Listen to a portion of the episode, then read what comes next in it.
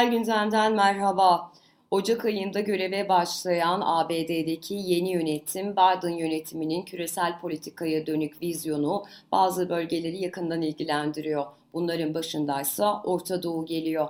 ABD'nin Orta Doğu'ya dönük ilişkilerinde Trump döneminden farklı olarak bir restorasyon sürecinin başlayacağı gündemde. Özellikle hem göreve gelmesi öncesinde hem de göreve geldikten sonra Biden'ın hem kendisi hem de yönetiminde yer alan isimlerin insan haklarına dönük olan vurgusu, otoriter yönetimlere dönük olan eleştirileri, demokrasinin önemine yönelik vurguları bu sürecin yakından izlenmesine neden oluyor. Tam da bu günlerde 2018'de İstanbul Başkonsolosluğu, Suudi Arabistan'ın İstanbul Başkonsolosluğu'nda hunharca denebilecek bir şekilde öldürülen gazeteci Cemal Kaşıkçı'ya dönük raporun paylaşılması burada Veliaht Prens Muhammed Bin Salman'ın işaret edilmiş olması Biden yönetimiyle Suudi Arabistan arasındaki ilişkilere dönük hem soru işaretlerine neden oldu hem de düşük dozda da olsa tansiyonun yükselmesine. Bu hafta Profesör Doktor İlhan Uzger'le birlikte Orta Doğu dengeleri açısından Biden yönetiminin getireceği yenilikleri özellikle Suudi Arabistan özelinde gündeme gelen insan hakları ajandasını ve bunun etkilerini ele almaya çalışacağız. Hocam merhaba, hoş geldiniz. Merhabalar, hoş bulduk. Hocam Biden yönetiminin insan haklarına ve demokrasiye dönük vurgusu hem seçim döneminde hem de seçimden sonra sık sık gündeme geldi. Ancak e, ilginç bir şekilde daha önce Trump döneminde e, varlığının olduğunu bildiğimiz ancak çok da paylaşılmayan e, Cemal Kaşıkçı suikastine dönük olan raporun bir kısmı en azından e, paylaşıldı ve burada Muhammed Bin Salman'ın sürecin hem idaresinde hem de ortaya konan eylemle ilişkisi tespit edildi. Yönetim kendisine dönük bir yaptırım uygulamadı ancak bazı isimleri uygulayacağını söyledi. Biden bundan e, kısa bir süre sonra Kral Salman'la bir görüşme yaptı. Bazı insan hakları aktivistlerinin durumuna, tutukluluk süreçlerine dönük e, yaklaşımlarını dile getirdi. Anlaşılan o ki Suudi Arabistan özelinde insan hakları ve yönetim pratiği e, gündem içerisinde olacak. İsterseniz Suudi Arabistan'dan başlayalım sonra Orta Doğu'ya dönüp daha kapsayıcı bir yerden bakarız sürece. Bunu nasıl değerlendirmek gerekiyor? Tabii şöyle Suudi Arabistan çok öne çıktı çünkü bu biliyorsun işte insan hakları konusunda belki Mısır'la beraber en, en problemli olan e, ülke orası. Ve Amerika için de çok kritik. Yani petrol açısından İran'ın karşı İran'ın karşısında coğrafi olarak yer almasından ve işte dini anlamda e, taşıdığı önem vesaire gibi konularda ki şunu da biliyoruz. Çok kısa bir hatırlatma. E, Yalta Anlaşması'ndan sonra biliyorsun e, Şubat 45'te Roosevelt Amerika'ya gitmeden önce işte Mısır'a uğradı. Orada e, Suudi kralıyla görüştü ve bir e, uzlaşıya varıldı. Bir pazarlık yapıldı. Yani ülkeler, bizim gibi ülkeler e, bu tür pazarlıklar yaparlar. İşte içeride serbest bırakacaktı. Yani işte Vahabi ideolojide. E, petrol üretimini birlikte belirleyeceklerdi ve karşılığında da Amerika güvenlik sağlayacaktı. Bu pazarlık aşağı yukarı devam ediyor hala. E, bu, bu dönemde tabii insan hakları falan söz konusu değildi. Bununla ilgilenmiyorlardı. Yani Türkiye açısından da öyledir aşağı yukarı bildiğiniz gibi. E, bu, bu şey 90'lardan itibaren e, bu konuda baskı var Suudi Arabistan'a. Yani bunu insanlar atlıyorlar. E, fakat şöyle söyleyeyim, e, çok konuyu dağıtmak istemiyorum ama bir ülkenin başka bir ülkeye yani ne kadar güçlü olursa olsun insan hakları konusunda e, yapabilecekleri sınırlıdır. Yani sonuçta mesela Amerika varını yoğunluğu hani bütün Amerikan bürokrasisini, gücünü, enerjisini bir ülkedeki insan hakları ihlallerini önlemek için harcayamıyor. Yani diyorlar ki sen bu konularda artık bir düzenleme yap lan. O liderler de tamam bakacağız ama bunlar da terörist, hainler ne yapalım falan hep bildik şeyler dönüyor. Tamam diyorlar. Sonra diyor ki şey aynı tas aynı hamam devam ediyor aşağıda. Da birkaç kozmetik düzenleme Suudi Arabistan bunu yaptı. İşte araba kullanma konusunda e, sorun çıkaran e, bir genç kadını e, hapisten çıkardı ama ev hapsine aldılar. Ülke evet. pardon ülke dışına çıkmasını yasakladı falan birkaç sisi de yaptı. Sonra bazen topluyor. Yani önceden topluyor. Bazen e, mesela in, insan hakları savunucularını hapse atıp duruyor sisi. e, çok hani şey muhalefet etmeyi çok şey maliyetli hale getiriyor ki bu bu tür rejimler hocam hiç bizim alışık olmadığımız evet. Neler oluyormuş dünyada. Evet evet. Dolayısıyla da şimdi Amerika'da bir e, Biden kendisini Trump yönetiminden ayrıştırmaya çalışıyor. Yani artık hani bu kişiselleşmiş diplomasi yok, lider diplomasisi yok, hani telefon, Twitter diplomasisi yok ve öyle içeride de artık istediğiniz gibi yapmayın. Bunun e, global şeyleri de var. Yani Amerika tabii ki biz bunu biliyoruz. Lütfen hani şunu da söyleyeyim. E, ya Amerika işte çıkarına gelince insan haklarını göz ardı ediyor. Yani şimdi bu artık bir banalite oldu. Biz bunu burada tekrar etmiyoruz. Yani bunu söylemeye bile gerek yok tabii ki. Yani ama yeni bir paradigmaya da geçebiliyor bazen hani e, Batı sistemi ve biz bunu önce 90'larda gördük. Hani 80'lerin sonundan itibaren bu hani belki başka programda, başka bir şekilde daha uzun da anlatabiliriz. Bunun nedenleri üzerine de girebiliriz. Daha hani teorik bir tartışmayı da gerektirir. Bu kapitalizm insan hakları ilişkisine de evet. gerekebilir. Ama burada e, yine bir küresel boyutu var. İnsan hakları siyaseti dediğimiz şey yani insan haklarını bir dış politika aracı olarak kullanma boyut tabii ki var ve çok hani somut. Ama yani hiç olmayabilirdi de onu da söyleyeyim. Yani hiç insan haklarından işte Trump bunu yaptı, Trump bunu denedi. Dolayısıyla da e, şimdi e, dikkat edersen Orta Doğu'da Amerika e, yeni yönetim üç tane müttefiki konusunda e, daha ihtiyatlı davranıyor diyelim. Prens Selman'ı Salman'ı atlıyor, babasını arıyor. Sisi'yi aramıyor ve bildiğiniz daha aramıyor. Bilim beni daha aramıyor. ya şimdi bu hani bu tabii ki tesadüf. Ama hocam beni aramadı. Onu söyleyebilirim. Evet. Ben görüşmedim. Sizi aramadı, bizi de aramadı. Aramasın. Hani ya bu arada şunu da söyleyelim. Yani televizyonda falan da görüyorum. İşte Cumhuriyet yazarları da yazıyorlar. Yani Erdoğan'ı biz hani Amerika ile işli işli olsun diye de istemiyoruz. Problem şu. Erdoğan antemperyalizm yapıyor da biz ona karşı çıkıyor değiliz. Erdoğan antemperyalizm yapıyormuş gibi yapıyor. Onu eleştiriyoruz. Evet. Yani samimi samimi bir antemperyalizm yok ortada. Hı hı. Dolayısıyla da şimdi e, şeye gelirsek e, ufak ufak şekilleniyor siyaset. E, Orta Doğu siyaseti yani bu insan hakları ne kadar Biden yönetimini Trump'tan ayrıştıracak bir e, gösterge olacak. Ne kadar burada samimi baskı gelecek. E, bu bunu göreceğiz. Yoksa yani bir e, danışıklı dövüş gibi e, Biden yönetimi insan hakları konusunda diyecek ki bakın ben Trump yönetimi değilim artık buna önem veriyorum. Onlar da birkaç böyle reform yapacaklar bizimki gibi. Sonra da evet bakın reformlar da yapıldı. Biz Trump'tan farklı olduğumuza gösterdik. Hadi yolumuza devam edelim. Bu ciddi bir ihtimaldir. Şimdi bunun içinde Amerikalıların geliştirdiği bir kavram var belki e, fark etmişsindir. Bu kavramın adı recalibration. Hı hı. Ki yani ince ayar. Yapıyor makalelerdi bugünlerde. Evet. Özellikle Suudi Arabistan vurguladı. Evet. Recalibration. Recalibration. Yani bunu... aslında daha çok insanların çağrışım yaptı. Hani kalibresini ayarlamak. Evet, ayarlamak. Tabii bana sorarsan bunu hani ince ayar diye çevirebiliriz. Şimdi e, ABD'nin Orta Doğu politikası ve burada tabii İran'ı bir tarafa bırakıyorum şu anda hani müttefikleriyle ilişkileri. Netanyahu da buna dahildir ama Yahudi lobisi olduğu için hani güçlü olduğu için İsrail bağlantısı da güçlü olduğu için diğer bütün başkanlar olduğu gibi Biden'da da en sonunda hani Trump şeyi bir ay sonra da olsa Netanyahu'yu aradı. E, bu üçünü, üçüyle ilgili bir problem var. E, burada e, Amerikan e, dış politikası yani Türkiye, Selman yani Erdoğan, Selman ve Sisi konusunda e, hepsine ince ayar mı yapacak, kalın ayar mı yapacak? Evet, tabii Salman'dan kalsın Muhammed Bin Salman aslında hani Kral Salman'la Evet. Görüşüyor olmakla beraber oysa tabii, biliyorsun Muhammed Bin Salman daha ön planda tabii, olan bir figür. Tabii şey yani yetkiler şu anda ülke yönetimi e, prens de yani oğluna bıraktı. İşte evet. o genç biri biliyorsun işte senle yaşıt hatta neredeyse. Ya hocam millet veliaht prens oluyor. Evet e, ama işte hayat böyle. Şimdi ince ayar şu.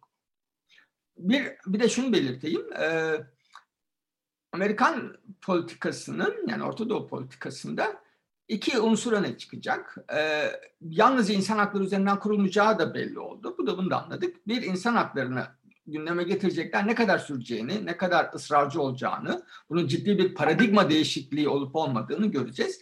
İkincisi askeri boyut asla bırakılmıyor. Hı. Bakın örnek vereyim. Her üçünde de paralellik ilginçtir. Erdoğan aramıyor ama Amerika ile Karadeniz'de tatbikat yapıldı. Ee, o Prens Selman'ı aramıyor ama e, Körfez'de Amerika ile tatbik hava kuvvetleri, Suudi hava kuvvetleriyle tatbikat yaptı. E, Sisi'yi aramadı Biden ama e, CENTCOM komutanı gidip görüştü ve Pentagon açıklama yaptı. Suudiler bizim için hani Suudi Arabistan kritik bir e, ortaktır dedi. Ve Biden da geçmişte nasıl Erdoğan'a karşı sert konuştuysa falan Suudi rejimine karşı da çok sert konuşmalar var. Yemen e, savaşındaki rolü üzerine çok ağır eleştirileri var ve parya devlet diyor. Ama yönetime geldikten sonra partner devlet oldu e, Suudiler. Dolayısıyla bana sorarsan AKP yönetimi bütün bunları gayet yakından birebir takip ediyor. Onlar da şunu görmek istiyorlar. E, Amerika ne kadar ısrarcı olacak? Evet. Yani e, ince ayar mı, kalın ayar mı e, evet. e, yapacaklar? Yani e, ağır bir e, şeyi, yani mesela sermanı değiştir mi diyecek Mesela Richard Haas şey diye yazdı. Çok önemli bir isimdir. Tabii. Ee, tıpkı bu 2005 miydi e, Cüneyt Zapsu'nun e, hani Erdoğan'ı halının altına dediğine delikten süpürmeyin gibi bir ifadesi var. Bu kullanabilirsiniz de. Aynı şeyi söyledi. E, süpürmeyelim. Çünkü onunla daha işimiz olur. Evet. Ve şunu yap yani e, o Kaşıkçı'nın öldürülmesine dair CIA raporu açıkça Kaşıkçı'dan izni olmadan, onayı olmadan böyle bir eylem gerçekleştirilemez. Diyor ki makul olanı söylüyor zaten. Bunu Trump kongreye göndermemişti. Evet. Biden açıkladı. Hı hı. Ama e, 17 kişiye yaptırım uyguluyor Amerika. Buna dahil olan, bu sürece dahil olan, cinayete dahil olanlara. Ama e, prensi dönelik bir şey yok. Yok. Diyor ki bak bu bunu yaptım biliyoruz. Bu şey demek ki boynunu eğmek demek. Bu ayar vermek demek aslında dış politika mantığı açısından. Şimdi benzeri bir şeyi buraya doğru da e, genişletmek istiyorlar belli ki. AKP nedense buna bu büyük e, insan hakları açılımıyla cevap verdi. Çok büyük. Yani ben mesela evet. Gerçekten ben mesela hani Kavala'yı falan bir bildirgesiydi adeta. Tabii yani Suudi Arabistan gibi hani Kavala'yı falan bırakır diye hani e, bekliyorum. Hala onu bir pazarlık olarak hala elinde tutuyor. Mesela tahminimce mesela bir Dünya Demokrasi Kongresi falan yapacak olursa ki yapacak. Ondan önce falan e, şey yapar. Bizi çağırın, bırakalım siz de çağırın gibi. Yani daha büyük bir şey için e, elinde tutuyor.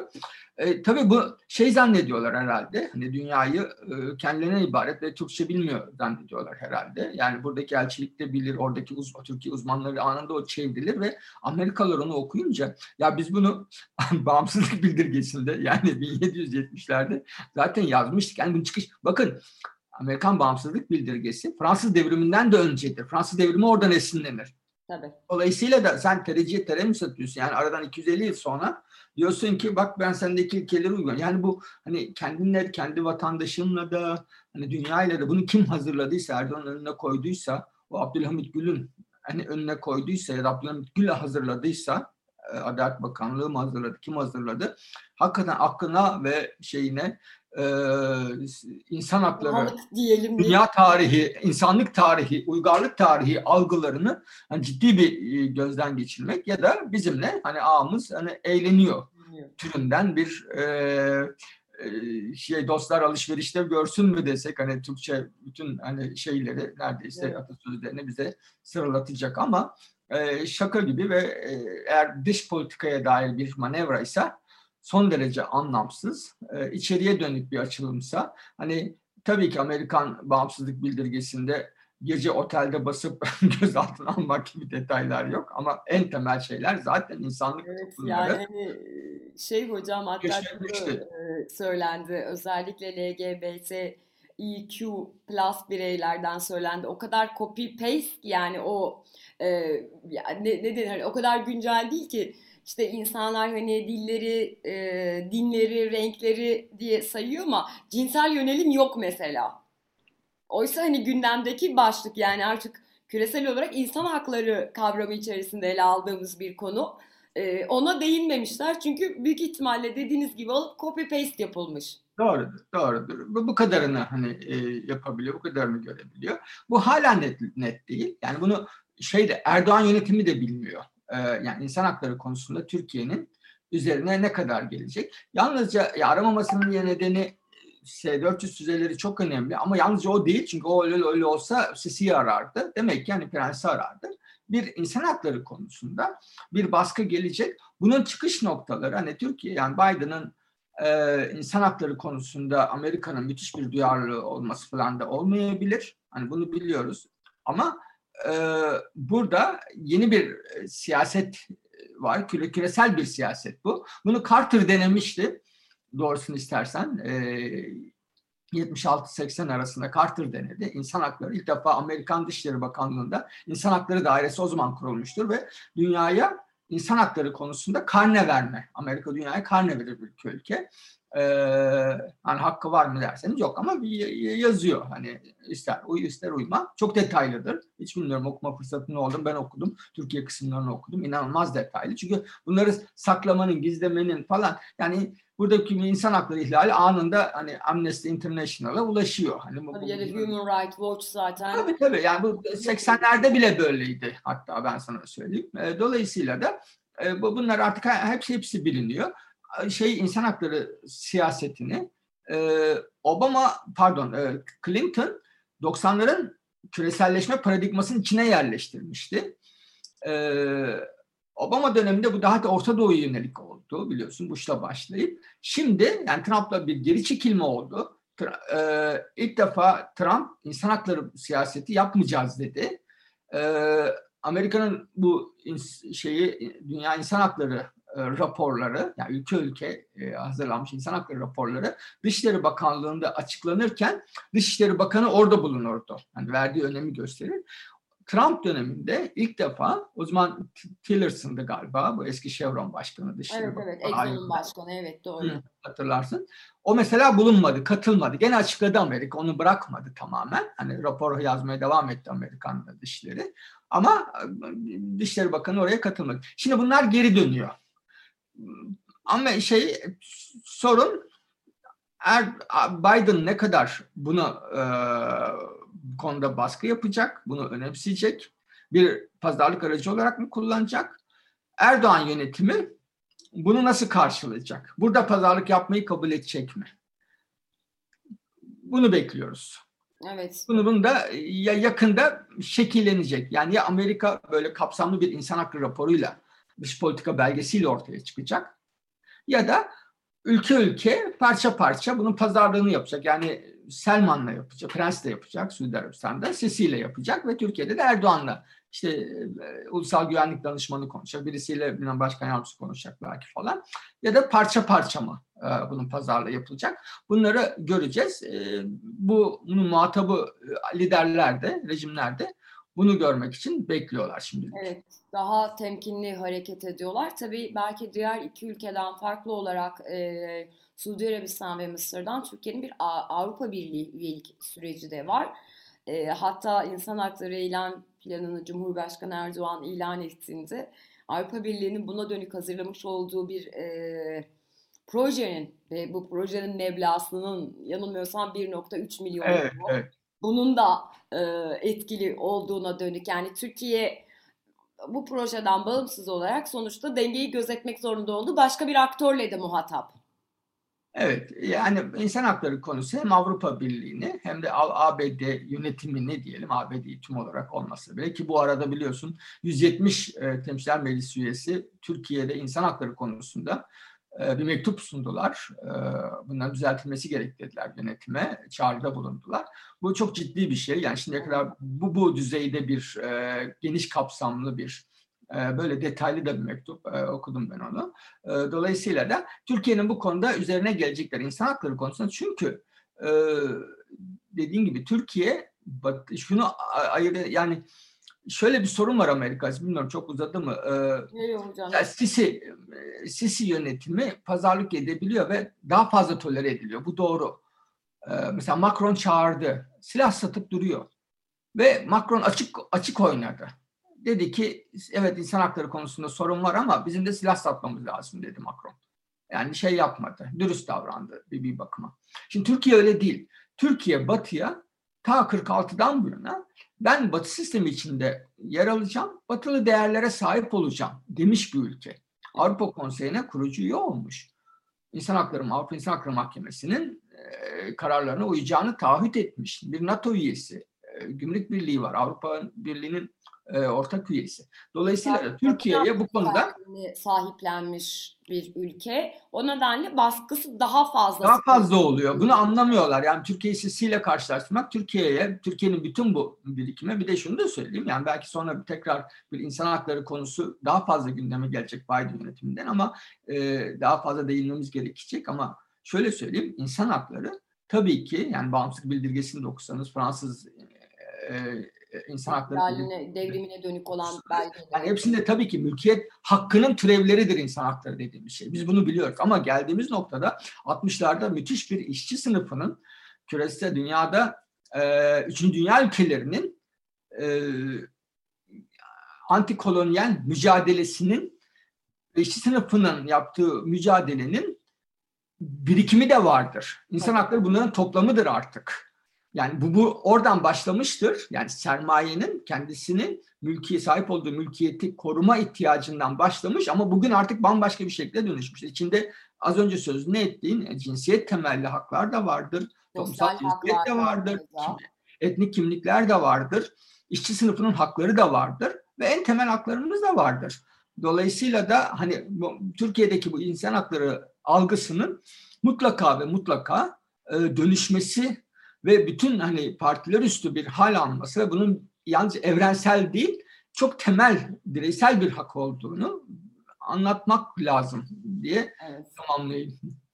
Teşekkür ederim hocam. Çok teşekkürler. Hem e, bence şey açısından önemliydi. Suudi Arabistan ve Orta Doğu'ya dönük vurgunuz ne yaşandığına dönük ama bunun yanında Türkiye'nin bağlı olduğu yükümlülükler, altına imza attığı ve yerine getireceğim dediği yükümlülüklerle diğer iki aktörle arasındaki fark yani Suudi Arabistan ya da Mısır Brüksel'e gidip biz Avrupa Birliği'ne üye olmak istiyoruz demiş değiller. E, dolayısıyla hani Türkiye'nin neden biraz e, daha farklı davranması gerektiğine dönük vurgunuz bu anlamda önemliydi. Çünkü atlanıyor bu biraz Türkiye'de e, mukayeseler yapılırken. E, çok çok teşekkür ederim Ben bu teşekkür anlamda. ederim. Profesör Doktor İlhan Uzgel ile birlikte Biden yönetiminin insan haklarına dönük olan politikasını bunun ABD'nin dış politikasına yönelik şekillendirmesini ve özellikle 3 ülke üzerinde Türkiye, Suudi Arabistan ve Mısır'a etkilerini ele almaya çalıştık. Bununla beraber Türkiye'nin diğer iki aktörden farklı olarak bağlı olmuş olduğu anlaşmaları, bunların Türkiye'yi neden daha fazla baskıya maruz bıraktığının altını çizdik. Bizi izlediğiniz ve dinlediğiniz için çok teşekkür ederiz. Hoşçakalın.